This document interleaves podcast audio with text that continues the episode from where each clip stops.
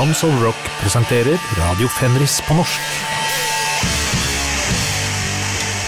Det var utrolig hvis jeg klarer dette uten uh, stillongs. Uh, stå, uh, Agent stillongs Oi, hei, alle sammen! Uh, det er Radio Fenris på norsk. Episode 103, Tons of Rock. Tons of Rock-festivalen. Der skal jeg spille masse mm, band som skal spille derfra. Men uh, vi fortsetter altså på uh, Judas Priest-kavalkaden vår. Vi har kommet til skive tre. Det er grisekaldt. Jeg står med lue, faktisk. Uh, det er den kuldeperioden vi hadde, vet du, her. Så så bare håper at ting ikke At ting fungerer i det hele tatt. ille. Måk, masse snø, så blir det plutselig så kaldt at det kan ikke stå på ski. Det er ille. Får ikke trimma, bare inne. Men en kan sitte og, og, og, og titte litt og, lære litt, jeg også.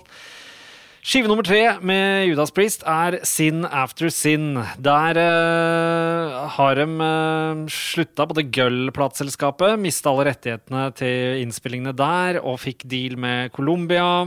Og Gull er sinte, og Judas Priest er sinte, og uh, Judas Priest sier vi vil produsere skiva sjøl, og Colombia sier dere må ha noen som kan studio. Det blir Roger Glover fra bassisten i Def Deep Purple, sorry. og da gjør de en uh, liten innspilling, og så er de ikke fornøyd. Sier 'gå vekk, Roger Glover'. Uh, begynn heller i Tollvesenet, du med det fine Glover-etternavnet ditt. Og så prøvde de selv, og det ble bare rot. Og så sa plateselskapet og de Nei, Roger Glover, kan ikke du komme tilbake? Sikkert god stemning i studio da. Uh, så det De gjør jo igjen denne Diamonds and Rust Johan Baez, eller Baez, som det sikkert sier hei, alle svenske. Der. Coveren, og den skulle Johan Baez faktisk ha satt pris på. Den er jo veldig fin også, men vi skal ikke spille den, altså. Den har, plata har også Raw Deal, som var første veldig gayvennlig og gay rights-aktig teksten hans. Men få tok vel hintet før han endelig kom ut skape 1998. Eller gjorde de det? Aner ikke. Det bryr meg ikke mest. Det som bryr meg mye, er at jeg ikke fikk med den skiva her i det hele tatt.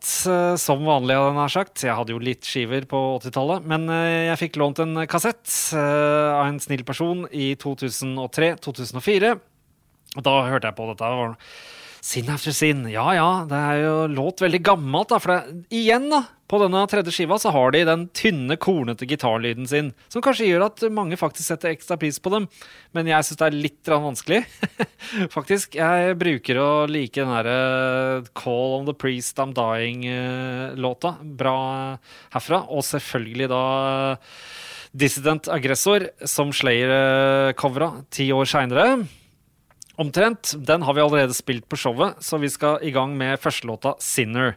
Her starter det som en slags fortsettelse, syns jeg, på det litt sånn uh, fortausaktige måten de uh, har vært mye på på de to første skivene. På første riff, og det er vers, og så går de litt opp på den, så det blir sånn åh, kjedelig modulering. Og så er det jo slags metal-riff når de driver med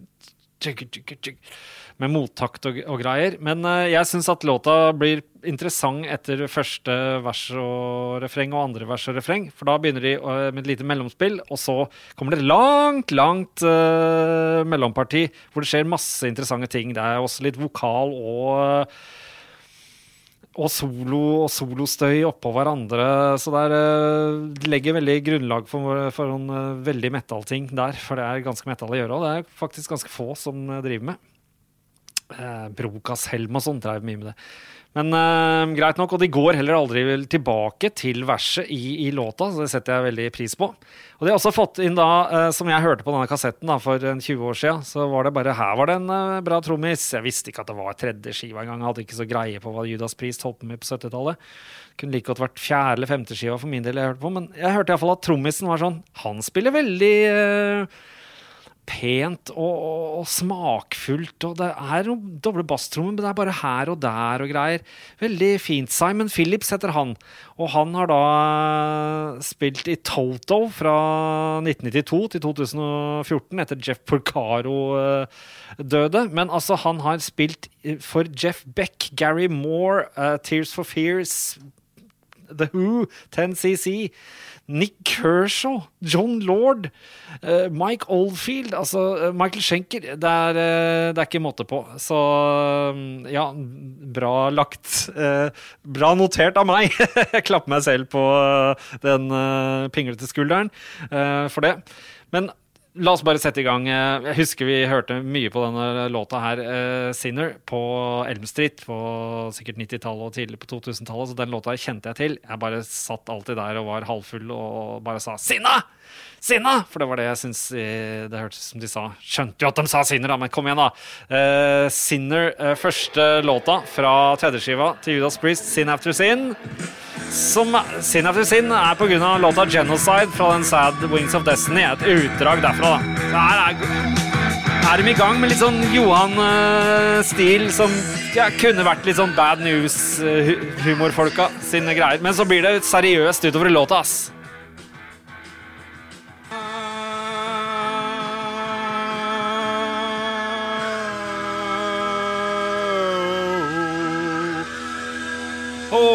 Nærmest operatisk uh, avslutning etter at uh, de går tilbake til uh, refrenget helt på slutten her. Du, du, du, Ganske heavy metal. Andre ting som er heavy metal, er jo selvfølgelig vokalen hans og litt sånn som platecoverne på Sad Wings of Destiny. Og her så begynner det liksom å nærme seg det som har blitt veldig sånn typisk metal-platecovere.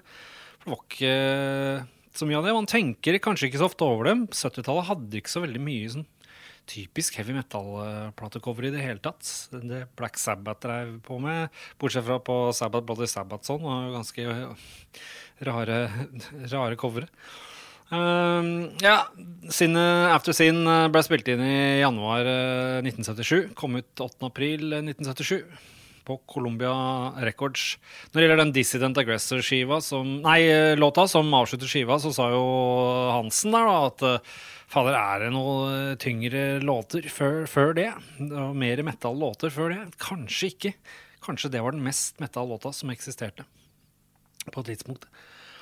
Så eh, det er også noe å tenke på. Men altså, altså, hadde det ikke vært for at jeg får så mye tips alltid om musikk, så hadde jeg kanskje fått liksom et to år gammelt tips av, av Bestial Tormentor, som jeg også spiller i band med, som sa du må sjekke ut den tredje Solitude av Turners-skiva også. Og jeg bare ja, den er sikkert kjempebra. Har bare fått vært borti den så vidt, men i dag fikk jeg hørt på nesten hele, og det er bunnsolid. Vi skal til uh, doom metal fra Arlington, uh, Texas. Uh, Starta i 1987 av John Perez. Dette den låta vi skal spille, fra tredjeskiva til Solitude og Turnus, er et lite mesterverk, til tross for basstrommer som sier klikk-klikk, som de vanligvis gjør på Solitude og Turnus-skiver. Jeg oppdaga jo dette bandet kanskje rundt i 91-92 og digga det som bare det. Jeg Ble veldig inspirert av vokalen til Rob Lowe. Eh, ikke skuespilleren, men vokalisten. De starta opp i 1987 under navnet Solitude. Som liksom var en homasj til både Candlemass og Black Sabbath. Litt rart, fordi de låter kanskje litt mer som Trouble, egentlig. I, eh, i mine ører. Første demoen deres da kom i januar 88 under det uh, Solitude-namet, og, og, het uh, Unjustice for All, faktisk. Det er, det er også noe å å tenke på. Through the Darkest Hour heter uh, den uh, tredje skiva. Så kom den første og andre skiva i 91-92. Denne kom i 94. Og da hadde de ikke noe deal med Roadrunner Records lenger. Da var de plutselig på Pavement Music, som tror jeg var et sånt label som distribuerte masse i USA litt Er det så nøye? Solitude Eternus, et nydelig stykke doom metal her, og anbefaler eh, ja første og andre tredje skiva deres, egentlig.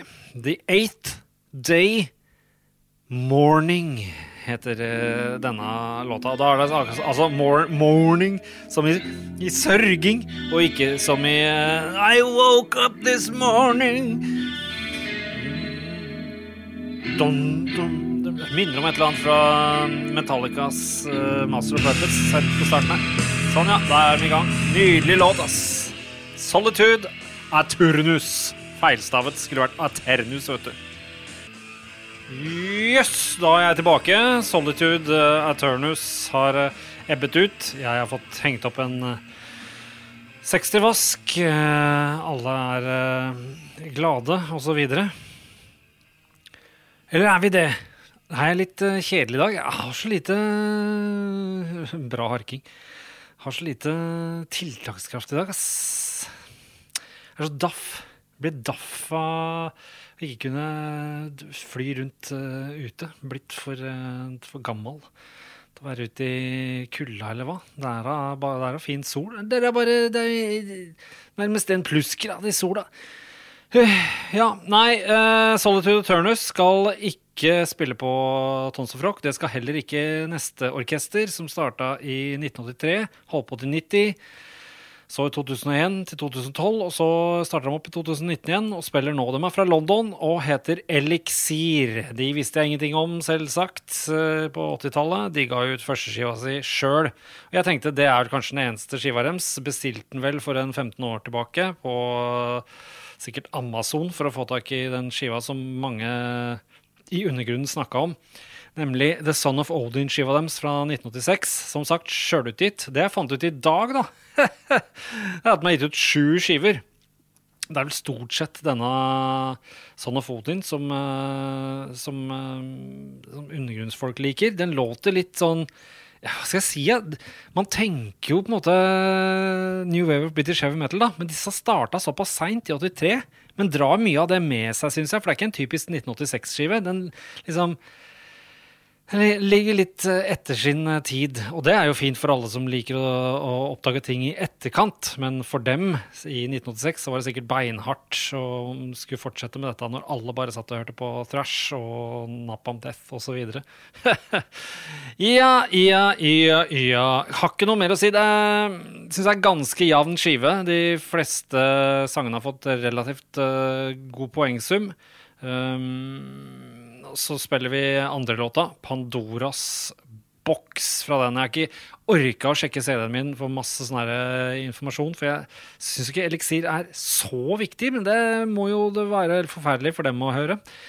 Men dem kan jo sikkert ikke norsk i det hele tatt, hvis ingen sladrer. Eh, men allikevel, det er liksom Skivecoveret er digg, og det er liksom en digg skive å ha. Uh, bare veit ikke hvorfor jeg ikke tar av mer på det, uh, på det her. Men jeg syns allikevel det er eh, helt supert, og anbefaler å sjekke ut The Son of Odin-skiva med uh, engelske eliksir. Og det høres jo litt sånn ut som dette her, da.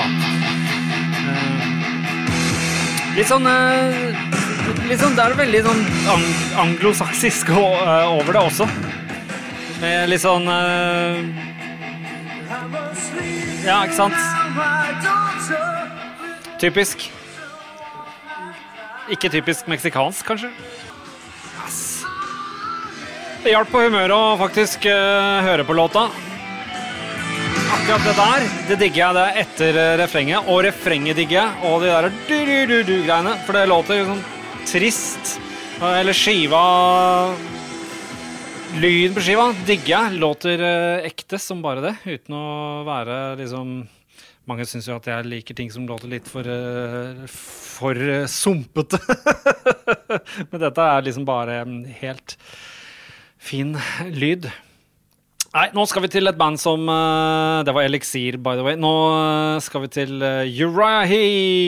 Yes, sir, Bob. Det første virkelig tunge bandet jeg fikk høre, og det var allerede sent i 1974. Så jeg ble besatt av Sweet Freedom-skiva deres. Men etter hvert så var det sånn at jeg ville ha prøve noen flere skiver med Uriah Heap. Det fikk jeg ikke.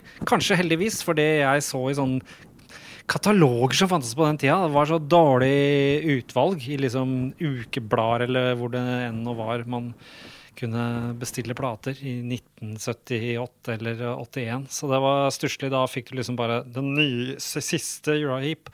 Hadde jeg fått det, hadde jeg nok sikkert blitt veldig skuffa. Så jeg bare venta. Dro fram igjen Sweet Freedom eh, i typ 88-89. Begynte å høre mye på den igjen. Og kanskje sånn i 90-91 så begynte jeg å kjøpe et par skiver uh, Magician's Birthday og Look at Yourself og sånn, og syntes det var rimelig fett. Så dukker jo denne Demons and Wizards uh, opp, da. Uh, fra tidlig 70-tall, uh, og har en fantastisk låt som heter Rainbow Demon på seg. Platecoveret ganske harry. Altså, snakker om platecover i sted og greier. Liksom Judas Priest starta med platecoveret som var ganske typisk metal. Altså, Dims and Wizards-platecoveret, det er jo Det er jo her du finner liksom Sånn som jeg føler liksom alle metallfolk skal like sånne platecovere som det. Eh, det er veldig harry òg, for det er sånne waterfalls og greier. Men helt oppe i eh, venstre hjørne så ser man jo tydelig at det liksom er eh, Det er en grotte, men det er ikke en hvilken som helst grotte. Alt liksom renner ut av der. Det må da være et kvinnelig kjønnsorgan, og da, det, altså, det er harry. Men metal er harry, da. Um, så jeg har ikke så mye annet å si. Uriah Heap, der er vel ikke mange igjen originalbesetningen nå. Kanskje bare gitaristen Mick Box. Hvis uh, gitarlyd jeg alltid syns var mye mindre kornete enn Judas Priest, selv om han spilte i flere år før uh, Priest. Men det kan være det, altså. Det blir så fyldig lydbilde ofte i Uriah Heap pga. Hammond-orgelet, som alltid låter kjempebra i det bandet. Så usikker selvfølgelig på om de kommer til å spille Rainbow Demon, men alle burde jo true dem til å spille det, alle dere som skal uh, på Tons of Rock, for det kommer jo til å bli masterfett. Blytung låt der, altså, fra, fra Demons and Wizards-skiva til Uriah Heap. Rainbow Demon. Den uh, starter her, ja. Du, du, du, Altså, det er så metal. Noen sier proto-metal. Jeg sier det er bare heavy metal, det her, ass. Hei! Nå gjør jeg noe jeg aldri liker å gjøre. Sitter og spiller og jammer med på, på bassgitar. For jeg vil ikke lære meg egentlig ting jeg, jeg setter veldig høyt. Og jeg setter den låta her veldig høyt. Men nå på en måte, Jeg hadde ikke noe annet å henge fingra i, så jeg satt og bassa med. Og det bare hovedtemaet. For det er så enkelt! Og det, altså, det låter i, i, min hjerne og mine ører da, så låter det så musikalsk og masse farver og alt mulig. Og så sitter jeg nede på bassen så bare Å ja, det er fire toner, egentlig, som alterneres med der.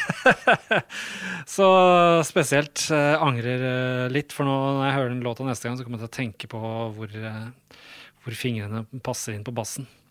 Men greit, da har jeg klart å ødelegge litt av den Rainbow Demon Uriah Heap-låta for meg selv. Antageligvis ikke for dere, og spesielt dere som uh, finner spillelista og tar og hører på. Vil nok uh, forhåpentligvis ikke bli skuffet. Ho, ho, ho! Raymond Teiger Hauge sier uh, Teigen Hauger sier alltid at liksom, det er sjuende skiva med et band, det er da de er best. Men jeg spørs, det spørs. For denne skiva her på nå neste band, Saxon. Den fant jeg i billighylla på Borås, uh, på Ellos der, i kanskje 1986. Da hadde ikke den blitt solgt.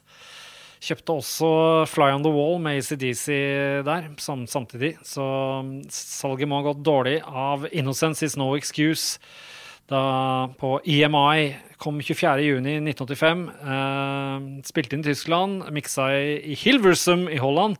Hilversum husker vi jo alle, vi som så mye på Sky Channel på ja, 1983, 84, 85, 86 osv.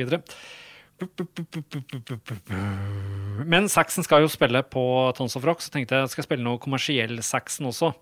Skivene Innocence is No Excuse med Saxon og ACDCs Fly on the Wall tok jeg med meg etter hele ferien hjem igjen. Hørte på de bare sporadisk. Eh, ACDC ble jeg ikke noe venn med, men det var bare kjempebillig, liksom. Kosta sikkert 25 spenn. Samme med Saxon. Men jeg hadde jo to uh, låter som jeg hadde tatt opp fra Sky Channel, fra den der uh, Saxon-skiva. Det var uh, Back on the Streets Again, som jeg likte, og Broken Heroes, som jeg elsker. Så jeg skal spille Broken Heroes. Føler at jeg har spilt den før på showet her, men uh, gikk gjennom analen, og det så ut som jeg ikke hadde gjort det.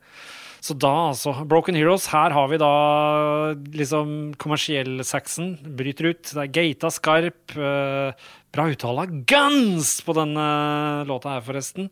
Eh, så kommer det låter rett etterpå som jeg da ikke har hørt siden 1986, ikke sant?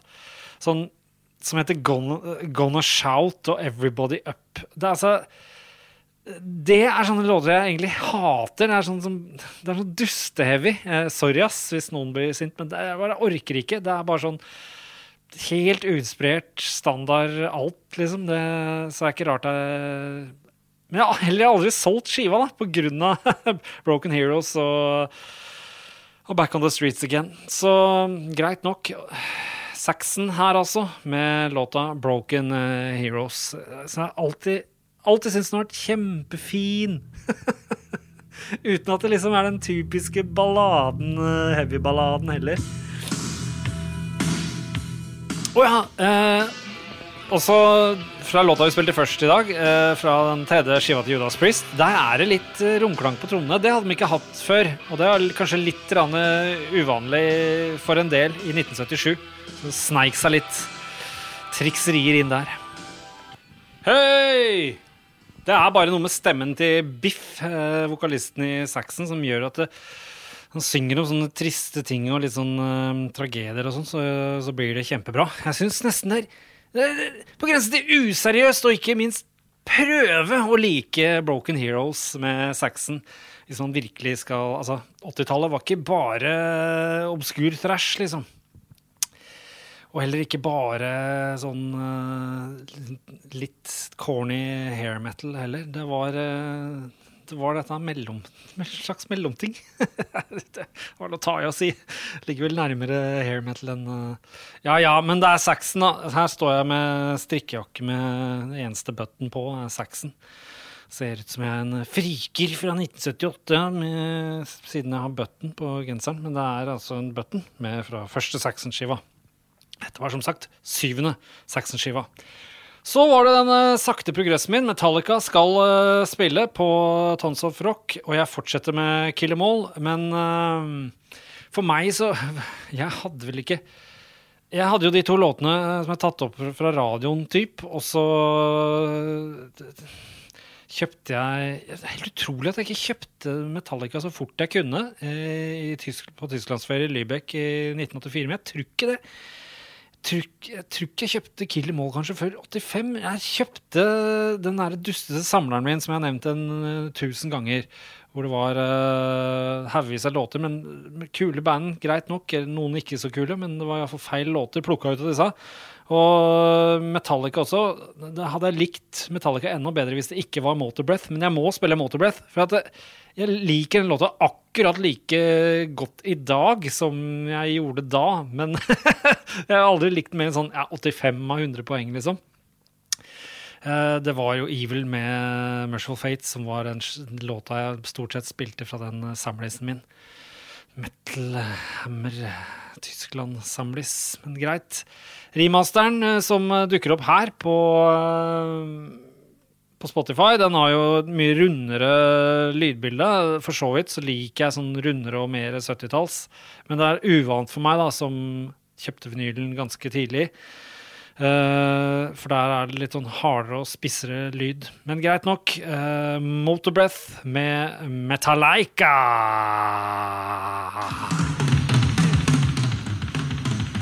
Trefyr! Blodtøff drift, da. Uh, digg solo, ass.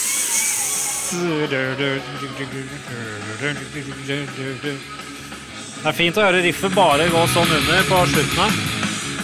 Det blir litt sånn Exodus førsteskiveaktig. Ah, ja, det er livsbiano og ungdommen som strømmer gjennom eh, tekstene på Motorbreath. Eh, jeg håper liksom Ja, nei, du tok sjanser eh, dere tok sjanser og fikk et uh, drømmeliv og ble et kjempestort band og alt. Uh, håper dere har det kjempemorsomt med alt sammen. Uh, jeg vil helst bare være for meg sjøl, se på dokument innifra og ligge på sofaen. jeg har ikke noe behov for å dra rundt og hilse på en milliard mennesker. Men eh, litt forskjellig valg det ble for meg og Metallica. Men det var innmari kult å oppdage Metallica tidlig i alder 13-14 års alderen. Eh, liksom det derre før trashen virkelig eksploderte. Det var rart, men jeg kjøpte det meste i 86, altså jeg var ikke så tidlig ute som jeg helst skulle vært, kanskje. Eh, så til uh, Helt utrolig. Creator skal Eller creator, Creator. Uh, husker ikke nesten hva vi brukte å si. Sier creator? Sier creator? Ja det gjør. Creator, pleasure to kill. Kreator høres uh, rart ut, og kanskje litt dansk. nei, danske folk sier vel Creator! Men uh, greit nok. Uh, de skal spille på Tons of Rock, og da så jeg Hæ?! Jeg har bare spilt én eneste låt med Creator. og de, de jo De hadde masse merch, og de hadde Pleasure to Kill-skiva, som er helt utrolig. Utrolig bra og utrolig brutalt å være 1986. Den er like bra i dag. Så det var det som gjorde at liksom, den på en måte ble størst av de tre tyske. Sodom Creator og Destruction. Pluss at uh, Sodom-utgivelsene kom litt treigere. Liksom. Kom ikke helt på bånn. Så var det litt confusion med forskjellige versjoner av Obsessed by Cruelty og, og alt. Uh, så det endte opp med Creator solgte mye mer merch. Og det også endte opp i dag med å være de som har blitt hørt på mest av de tre bandene. Men siden Florian Grill har plateselskapet Dying Victims, og norske Flight er en vågal signing for uh, Florian Grill, uh, fordi han vanligvis signer harde band, mens Flight er uh, et helt annet type band. Så tenkte jeg da spiller vi låta som ofte blir glemt, som Creator har, og det er siste låta på Endless Pain, eller Endless Spain. Dying Victims heter den, og det heter også plateselskapet til Florian Grill. Nå kom den så sent som i oktober 85. Uh, spilte inn i mars i Kaet Studio Berlin, der hvor massevis av skiver ble spilt inn. Hellhammer, Destruction osv. Men også sånn uh, Warrant Nei, ikke amerikanske Warrant, men uh, altså, Iron Angel, hva heter det? Running Wild, iallfall. Og videre. Ja. Så var det det at den her kom i oktober 85, Endless Pain. Og så kommer da Pressure to Kill som er så mye bedre spilt og alt. Det høres ut som de har eh, to år øving mellom. Den kommer allerede i april. Og så er det litt disputt med at det er i april. Men den uh, Flag of Hate-EP-en, som jeg tidligere har spilt fra her på showet, den kom jo i august. da. Og det stemmer liksom med at uh, Noise Records nummer 25, det er Endless Pain, og Noise Records nummer 37 er uh, Pleasure to Kill også. Så det er liksom veldig kort avstand. Uh, nesten bare halvt år avstand mellom de skivene. Det er veldig rart! Veldig rart, faktisk! Uh, bra sakte bangeparti helt på slutten av låta, som egentlig forsterkes. At de kommer inn i det partiet helt feil. De kan jo nærmest knapt spille her. De faller over instrumentene sine. De hadde jo spilt en stund også, 1982 som Metal Militia, 1982 som Tyrant, 82-84 eh, som Tormentor. Der har jeg demoene på CD og hatt i typ 20 år. Men greit, det var uh, Endless Pain og Pleasure to Kill som var uh, store for meg. Spesielt Pleasure to Kill. da. Endless Pain likte man litt bare på trass, egentlig, for det, det reiv ikke så bra. Men det er jo utrolig ja, altså Man sier brutalt, men primitivt brutalt, da. Eh, barbarisk. Eh, og platecoverne er nydelige. Dying Victims-låta med Creator kom i 1985, oktober, og da setter vi i gang. Den hopper jo sånn teit eh, inn i låta her. Skal jo være litt mer klimpring før, så her er det dårlig, dårlig opplegg fra Spotify, eller hva skal man si? Ja, nå kommer det party.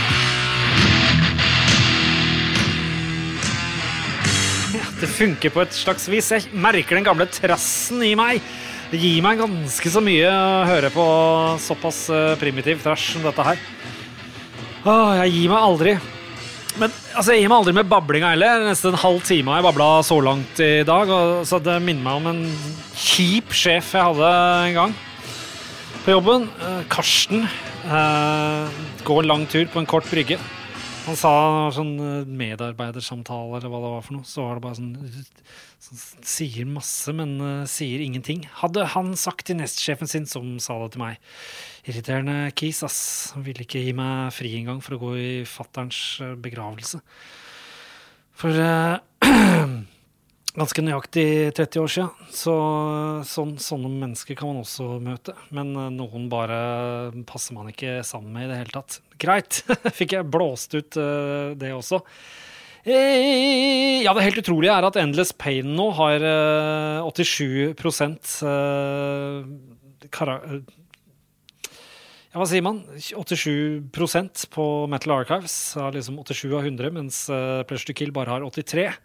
Sier uh, Jacobsen at dette her er nye folk som kommer inn, som uh, kommer inn og skal gi karakterer og se helt annerledes på ting. Uh, men ja, det er vanskelig når folk som ser i retrospekt, ikke ser det samme som vi som har både levd gjennom det, da. Fordi for eksempel Solitude Eternals-skivene har mye høyere score alle sammen enn en liksom sånne ting som Pleasure to Kill med Creator. Da det, det blir gærent oppi hugget mitt. Men greit, vi avslutter med en Judas Priest-låt som jeg syns er rimelig utypisk for eh, Judas Priest. I starten så kan det liksom minne om eh, et eller annet fra første Iron Maiden, men Iron Maiden gjorde jo det tre år etter, minst, dette her. Og så kommer det sånn tunge, tunge riff uh, i Priest-låta her som, uh, som minner meg om, ja, faktisk, Uriah Heap. Uh, så i det hele tatt Hele den Sin After Sin-skiva virker på meg som veldig bra balansert. Da. Det, er bra, det er en bra bridge-blanding. Eller det, det smaker jo ikke noe godt, men eh, det låter iallfall uh, velbalansert. Judas Priest med 'Here Come The Tears'. Altså, det er virkelig eh, drama. Eh, og man kan høre tårene i stemmen til eh, gamle Robban. Men greit nok. Judas Priest, 'Here Come The Tears'. Eller som eh, vi som ikke eh, hadde ganske gode karakterer i engelsk, men det er fristende alltid å si 'Here Comes The Tears'. Eh, from the past comes the storms, som det heter i Sepultura-land, mens det egentlig er From the past come the storms. Låter så gærent! Skal være koms. Here comes the tears! Bedre å si. Ja, ja. Greit. Nå får du grine på, Robert. Så får vi høres neste gang, hvis noen orker.